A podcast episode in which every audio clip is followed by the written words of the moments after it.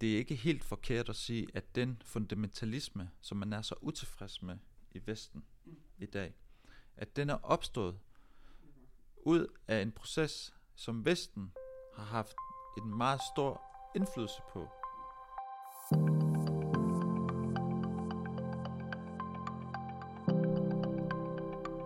Når jeg siger sekularisering, tænker de fleste sikkert på et samfund, hvor religion og politik ikke er blandet sammen. Religion er et privat anlæggende, som ikke har indflydelse på, hvordan staten agerer. Sådan er det for eksempel i Danmark, USA, Frankrig vil mange nok tænke. Disse demokratiske, oplyste og moderne samfund er topmålet af udvikling, lyder vores fortælling. Men passer det? Er den vestlige demokratiske statsmodel virkelig så religionsneutral, som vi tror? Er sekularisering virkelig en forudsætning for et moderne samfund? Og er fundamentalisme og religiøs fanatisme i Mellemøsten virkelig et udslag af en manglende opdeling mellem stat og religion? Eller præcis det modsatte, et resultat af en påtvungen sekularisering, som blev brugt under kolonitiden til politisk kontrol for at undertrykke og undergrave traditionelle og religiøse institutioner.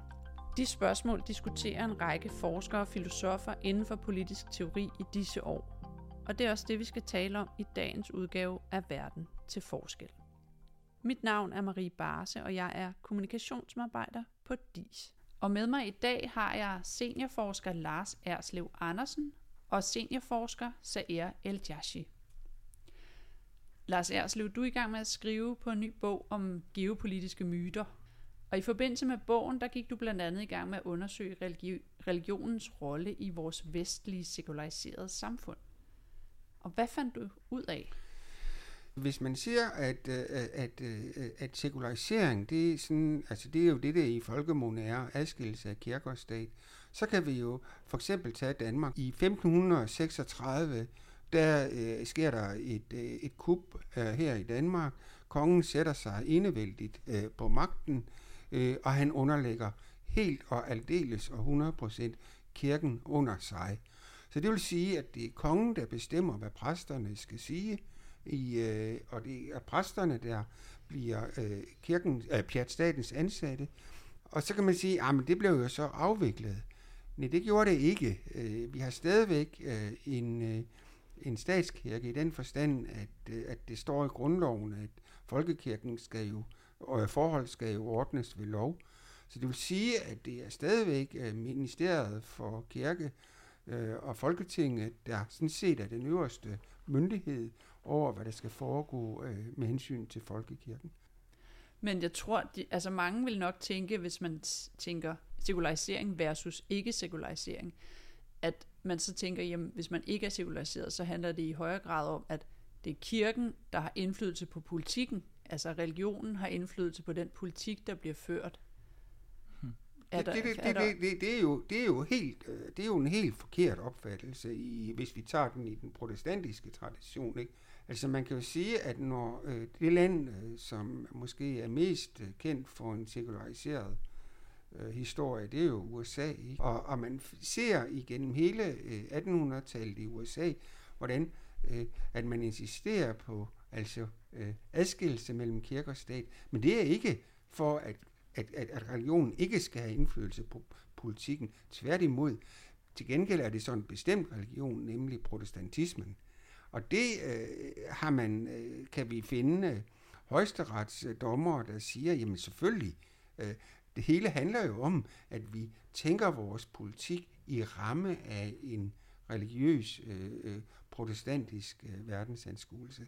Så i Amerika eller nuværende USA, der handler sekularisering i virkeligheden om, at staten netop ikke skal blande sig i religionen, men måske ikke så meget den anden vej. Nej, eller? Øh, altså der er ingen tvivl om, at, øh, og det kan man jo også se, øh, øh, der er ingen tvivl om, at den kristne, øh, altså protestantismen, spiller en, en, har spillet lige fra øh, øh, selvstændigheden og øh, hele vejen øh, op igennem Amerikas historie, eller USA's historie, en enorm rolle som en inspiration for, hvordan det amerikanske samfund, hvordan den amerikanske stat skulle være.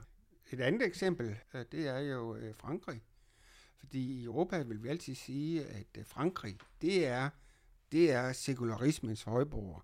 Ja, der er der jo ligefrem forbud mod at Ja. gå med religiøse Ja, symboler. Og sådan hvornår sker det? Det sker meget sent. Øh, det der det store overraskelse, det er, at vi får den franske revolution i 1789, og det kommer til et opgør med den katolske kirke, som jo var den dominerende kirke i Frankrig. Øh, men allerede under, øh, under, under Napoleon øh, i 1801, der får vi et såkaldt konkordat, hvor de laver en, altså hvor de bliver genforsonet, og siden der genvinder den katolske kirke jo en vis plads, øh, og da øh, det øh, revolutionære styre, som jo mener, at øh, det er den franske oplysningsfilosofi, øh, der er nerven i fransk øh, civilisation, og den kan man kun lære, hvis man lærer fransk, jamen så bliver det jo deres mission ude i deres kolonier, for eksempel i Algeriet.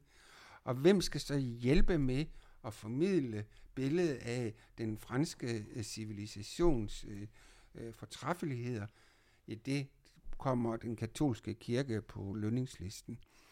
Og det, vi skal helt op til 1905, før vi får en lov, øh, der adskiller øh, netop øh, stat og kirke. Så den der forestilling om, at øh, Nå, jamen, øh, siden revolutionen har der været en total adskillelse af det politiske og det religiøse i Frankrig. Den er altså, den er altså lodret forkert. Så vores opfattelse af, at vi har en fuldstændig adskillelse mellem kirke og stat, er forkert. I Danmark bestemmer staten over folkekirken. I USA skal staten så vidt muligt blande sig udenom kirken. Til gengæld har kirken, eller den kristne tro, indflydelse på politikken. Og i Frankrig havde man helt op til starten af 1900-tallet den katolske kirke til at udbrede kendskabet til fransk i kolonierne. Men det er jo gået meget godt i Vesten, så, så hvad er problemet ved, at religion stadig har en rolle? Eller at vi tror, at religion ikke har en rolle, men har det? Der er jo det problem, at, at det er langt mere indviklet, altså selve sekulariseringsprocessen, som Lars nu har beskrevet også for os, at det er langt mere indviklet end som så. Altså ideen om adskillelsen, altså den politiske doktrin, øh, der hedder sekularisme, øh, det Som er en ideologi som en om ideologi. at udbrede netop det opdelte samfund. eller- netop ja. det her med at få øh, renset det værtslige rum for religions indflydelse.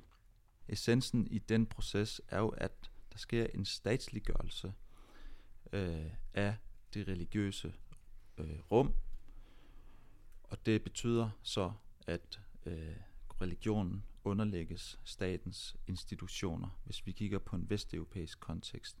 Det vil sige, det religiøse øh, bliver afgrænset og defineret på en måde, der skal tjene statens logik, om man så må sige. Ikke? Og øh, det samme gør sig i virkeligheden gældende i en øh, arabisk, mellemøstlig kontekst, som jeg ved en lille smule mere om. Øh, øh, og der kan man se, at man kan ikke forstå den statsmodel, man har fået i dag, øh, og som har givet en masse øh, problemer, både politisk, samfundsmæssigt osv.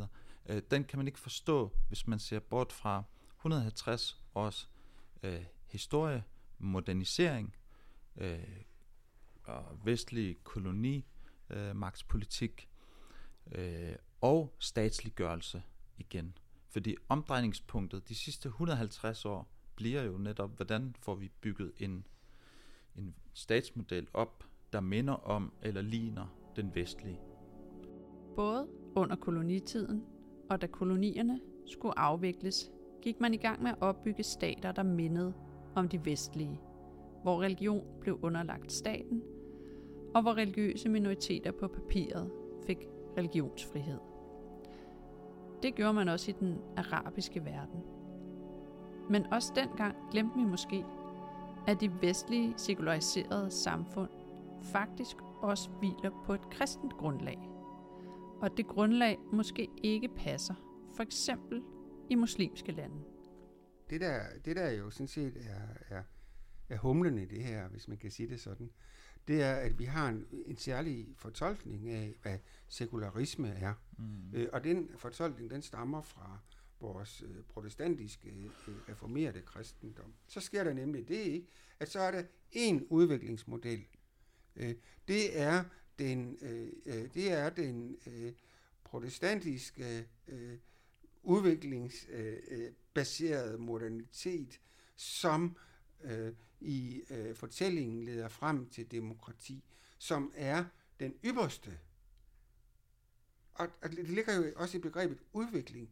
Og de tidligere religionsforskere, øh, som Peter Berger og sådan nogle, de sagde jo, okay, det vil, andet vil alle samfund øh, udvikle sig. Det fandt han ud af, det var ikke rigtigt.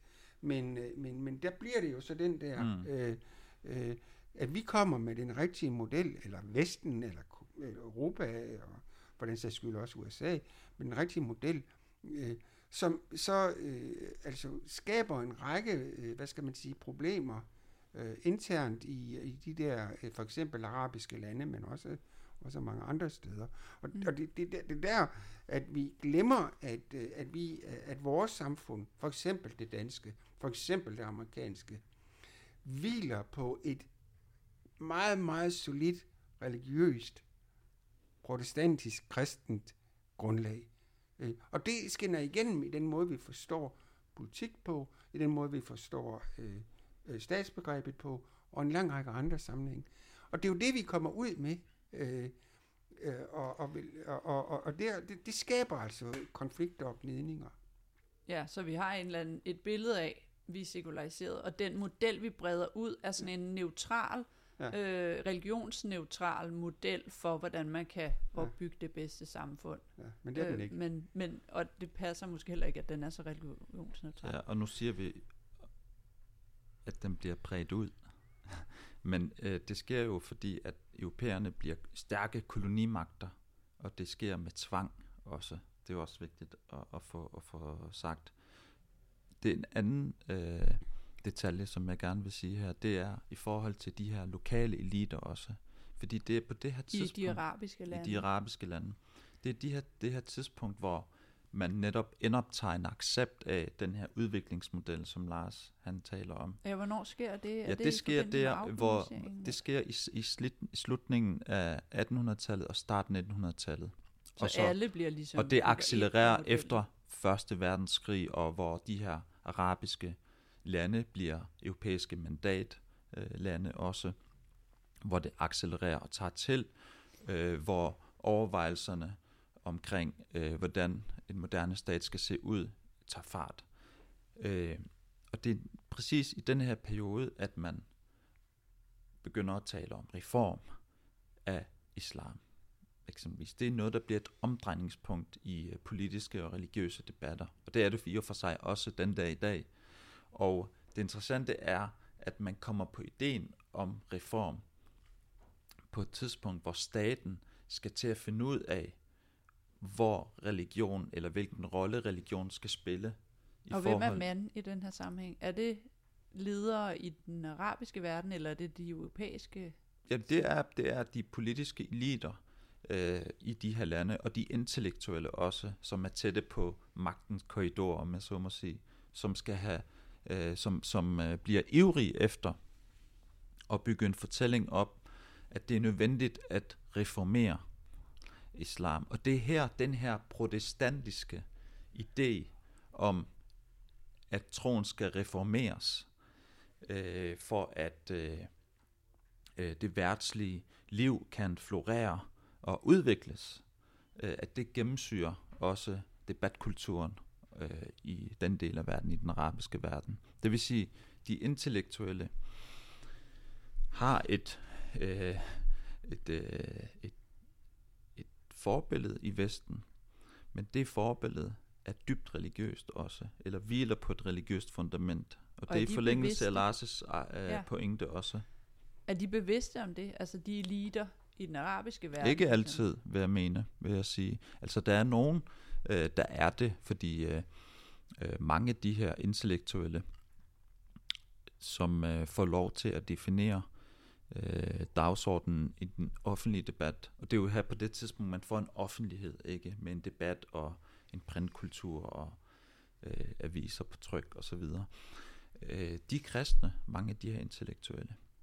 Og øh, det er også på det her tidspunkt, man får øh, hvad hedder det, skoler og seminarer, som øh, drives af kristne missionærer. Og øh, hele det, øh, det, den udvikling er med til at lægge kim til øh, ideen om, at islam skal reformeres. Og hvad betyder det? Det betyder, at islam skal tilpasses den moderne statsmodel. ikke? Og øh, alt, alt og hvordan det, gør man så det? Ja, det gør, ja, det gør man øh, ved blandt andet at oprette i første omgang laver man det, der hedder blandede domstole i et land som Ægypten for eksempel. Man laver blandede domstole, men man gør det øh, faktisk på en måde, som er ret voldsom, i hvert fald for de religiøse lærte, som var de autoriteter, der ligesom havde beslutningskraften øh, i forhold til i forhold til, hvornår øh, en afgørelse skulle træffes i de gamle sharia-domstole. De bliver tilsidesat, og så får man etableret nye, moderne domstole med europæiske dommere også, og man får en, en øh, todelt øh, retspraksis, eller et juridisk system, som er todelt, hvor man har europæiske love, øh, og man har på den ene side nogle sharia-love, øh, som man har kodificeret, det vil sige, man laver lovbøger også på det her tidspunkt. Og sådan har sharia aldrig været øh, praktiseret. Altså Hvordan var det før? Altså, hvad, den Jamen, her, det var meget mere flydende og, og, og langt mere øh, græsrodsagtigt, øh, altså mere organisk bygget ind i samfundet øh, og meget dynamisk øh, skruet sammen i forhold til tid og kontekst også. Øh, så der kunne være mange forskellige holdninger til øh, den samme sag, eksempelvis øh, hvis det handlede om strafferet eller ejendomsret eller formueret. Øh, det er jo også områder, som den klassiske jura inden for islam øh, har forholdt sig til. Og der har man bygget en gevaldig, stor og meget rig litteratur om de her, den her, øh, de her spørgsmål. Men øh, en dommer kunne øh, gå til den her tradition og vælge og selektere alt efter, hvordan det passede ind i konteksten, og var ikke bundet af en øh, lovgivning. Øh, og det sker altså med den her statsliggørelse. Så man får en, en moderniseret retspraksis, som koger sharia ned til nogle meget specifikke love, øh, og det bliver meget mere rigidt i virkeligheden. Men det er i hvert fald det, er det der er vigtigt, når vi taler om sekularisering, fordi vi har øh, det er det, øh, ham, den store forsker Talal Assad taler om, det her med, at sekularisme som idé, og så har vi sekularisering som historisk proces også. Og når vi taler om sekularisering som historisk proces i en arabisk, islamisk kontekst, så kan vi ikke komme udenom staten og statens rolle, og hvordan staten øh, er medvirkende til at gøre sharia-lovgivning til statslov det er en del af sekulariseringsprocessen, kan du se. Mm. Det, så, så det er ikke så enkelt eller simpelt, som at sige, at sekularisme eller sekularisering handler om at adskille eller holde de to størrelser øh, separate. Det sker det omvendte, der sker. Og det er jo det er konfliktskabende enormt meget øh, i en arabisk kontekst, at staten går ind og definerer religionens grænser, og hvilken rolle den skal spille også fordi Ja, hvordan det jo, kan det være? Ja, fordi det? det er jo meget blandet samfund, som Lars også var inde på. De arabiske, mellemøstlige samfund er meget pluralistiske, mangfoldige, etnisk og religiøst. Det at staten går ind og beslutter sig for, at én religion skal være øh, den, den gældende, og skrevet ind i forfatningerne øh, i øvrigt også, som en af kilderne til lovgivningen. Det betyder så også, at der sker en marginalisering af nogle andre trosretninger. Ja, som et, så som et led i, i Den sekularisering. sekularisering, der skete, Nemlig, der valgte man så ud, det er den her tolkning af islam, og det er de hvad hedder det, kondensering af nogle sharia-regler, som vi så skriver ind i lovgivningen. ja, det er et rigtig fint begreb i virkeligheden, kondensering, for det er det, der sker. Og så har man øh, eksempelvis øh, et land som Ægypten. Det er jo et ret stort land, øh, og det er godt at fremhæve som eksempel, hvor man øh, som kristen til gengæld for nogle borgerrettigheder også må acceptere, at der sker en slags privatisering af den koptiske kristendom også. Ikke? Så der ligger også en, en præmis om, at den koptiske kristendom, Som er den, der er i Ægypten. som der er den øh, form for kristendom, man dyrker og tror på i Ægypten, at den er mindre værdifuld end majoritetsreligion i virkeligheden. Øh, men det, man har øh, i det juridiske system, det er jo ikke den klassiske sharia-lov. Det er jo en, jeg vil sige, det er en, en forvrænget udgave af den. en langt mere rigid udgave end den klassiske, som var meget mere fleksibel og mangfoldig. Øh, som, som øh, ja. Men den her udvikling, altså og sådan top-down sekularisering, som, som på en eller anden måde skete øh, drevet af nogle politiske og religiøse eliter og, og bakket op, går jeg ud fra, at de tidligere kolonimagter. Hvad, var det ikke bare fordi, at de tidligere kolonimagter kunne se, at det havde været godt for deres egen udvikling, Lars? Eller hvilken interesse havde de i at, at medvirke til den her top-down sekularisering? Kunne de ikke bare trække sig ud og så blande sig udenom? Ja, det, er jo, det, er jo, det er jo selvfølgelig et, øh, et, øh, et kompliceret spørgsmål i den forstand, at, øh, at så skal man se at motivstudere. Ikke? Og øh, jeg, jeg, jeg, jeg, jeg er ret overbevist om, at, øh, at øh, kolonimagterne, eller men det, altså, det bliver for, rigtig for alvor kolonimagter i, i, i Nære og i Enten øh, efter Første Verdenskrig med mandatstyrene.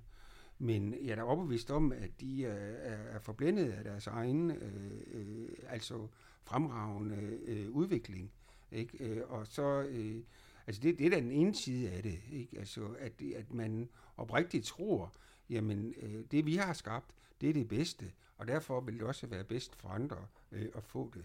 Men samtidig, og det kan man jo dokumentere, det er der for eksempel en, en, en, en, en anden amerikansk, nu nævnte øh, øh vi, øh, øh, vi taler der sat, men der er en anden en, Sabah Mahmoud, som jo har studeret det her meget grundigt, og ser, hvordan at øh, øh, den, den måde, man gerne vil sekularisere, altså sekularismen, som vi har talt om, der, det er jo en måde at kontrollere øh, med henblik på at optimere sin magt i de her områder. Øh, og det, øh, altså det er jo en kolonisering, som jo ikke bliver gjort, fordi at man, øh, øh, at man synes, man skal hjælpe nogle mennesker i en anden del af verden, men fordi at man kan tjene penge på det, man kan udvikle sig selv, man kan bevidste sin, øh, sin magt. Det er selvfølgelig det, det handler om. Ikke? Og der har man jo så, øh, og der, der kan Sabah Mahmoud, øh, hun kan jo vise, hvordan øh, at de interesser øh, kører helt parallelt sammen med øh, insisteringen på religionsfrihed, for eksempel. Men religionsfrihed defineres som frihed for de kristne til at dyrke øh, altså de, de kristne protestanter til at dyrke deres religion. Og det viser jo noget om, øh, og det er noget af det, som Sabah Mahmoud har, har virkelig øh, studeret, det viser noget om, øh, hvordan det her det kører ind. Ikke blot, øh, at man kommer og vil øh, hjælpe folk med at, at få den bedste model, men også, hvordan det kører ind i geopolitiske magtspil. Ja, så man, så man ved at give dem den, den bedste model, samtidig også sikre sig, at dem, der kommer til at sidde på magten, er nogen, man er gode venner med. Og Nogen, man er gode venner med, nogen, som tænker som en, nogen, som vil styre øh, på samme måde, og til ens egen fordel. Det er jo, det er jo meget langt hen ad vejen, det, som selvfølgelig handler om.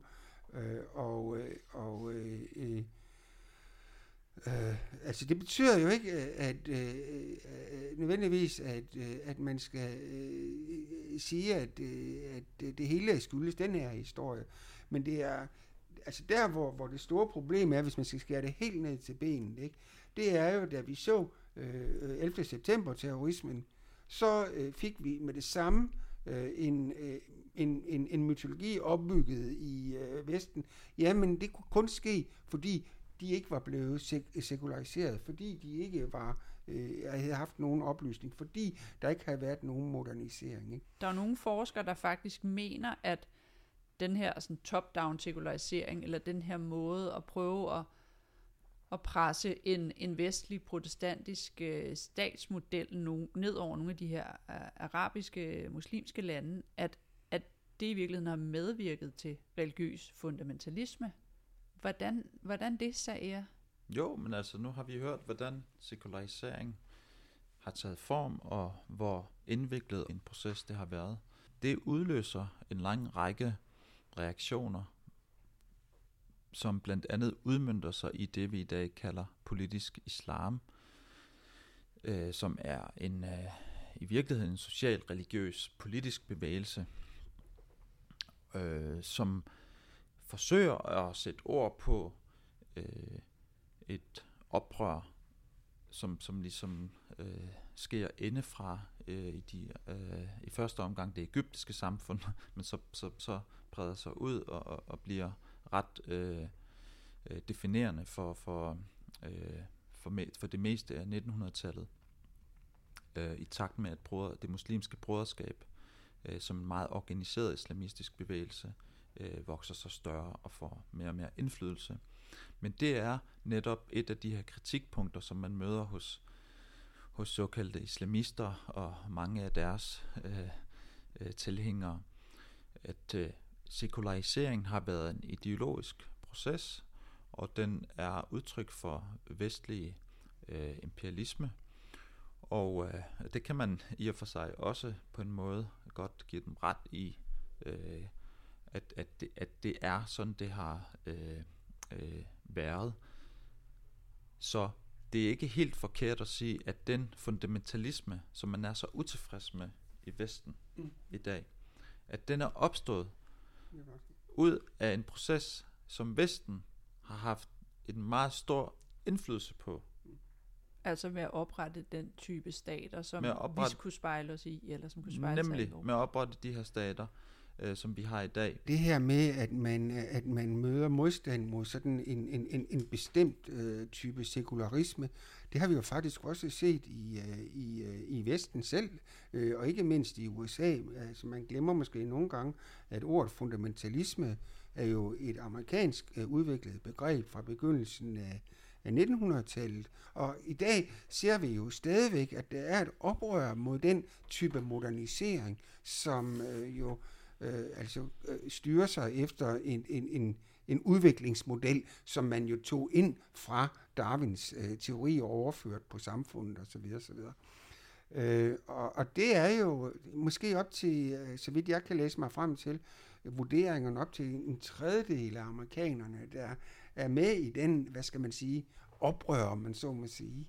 Øh, og, som, øh, og, og derfor er det jo ikke så, altså, altså, altså man skal jo ikke øh, Øh, sige, om, jamen når de der øh, øh, øh, islamistiske bevægelser øh, gør modstand, så er det på grund af, øh, at, de, at de refererer til islam. Ja, det er det jo nok på nogle punkter, for det gør de jo, men vi har set det som et internt øh, oprør, der også gør sig gældende, og stadigvæk, og måske endda mere manifest, gør sig gældende i dag, især i USA, end nogensinde tidligere.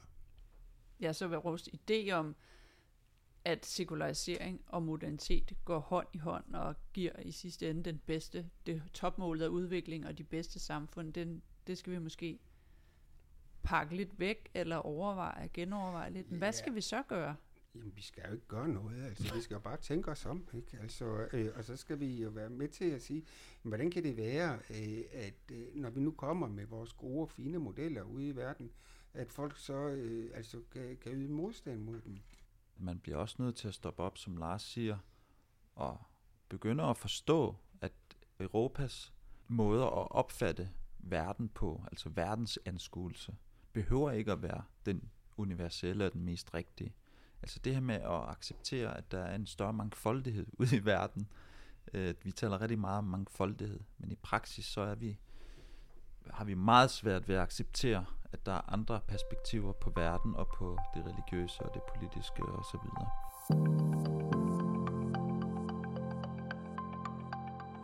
Med de ord, så øh, vil jeg sige øh, tak for, at I var med i dagens udgave af Verden til Forskel. Mit navn er som sagt Marie Barse, og til dig, kære lytter, tak fordi du lyttede med.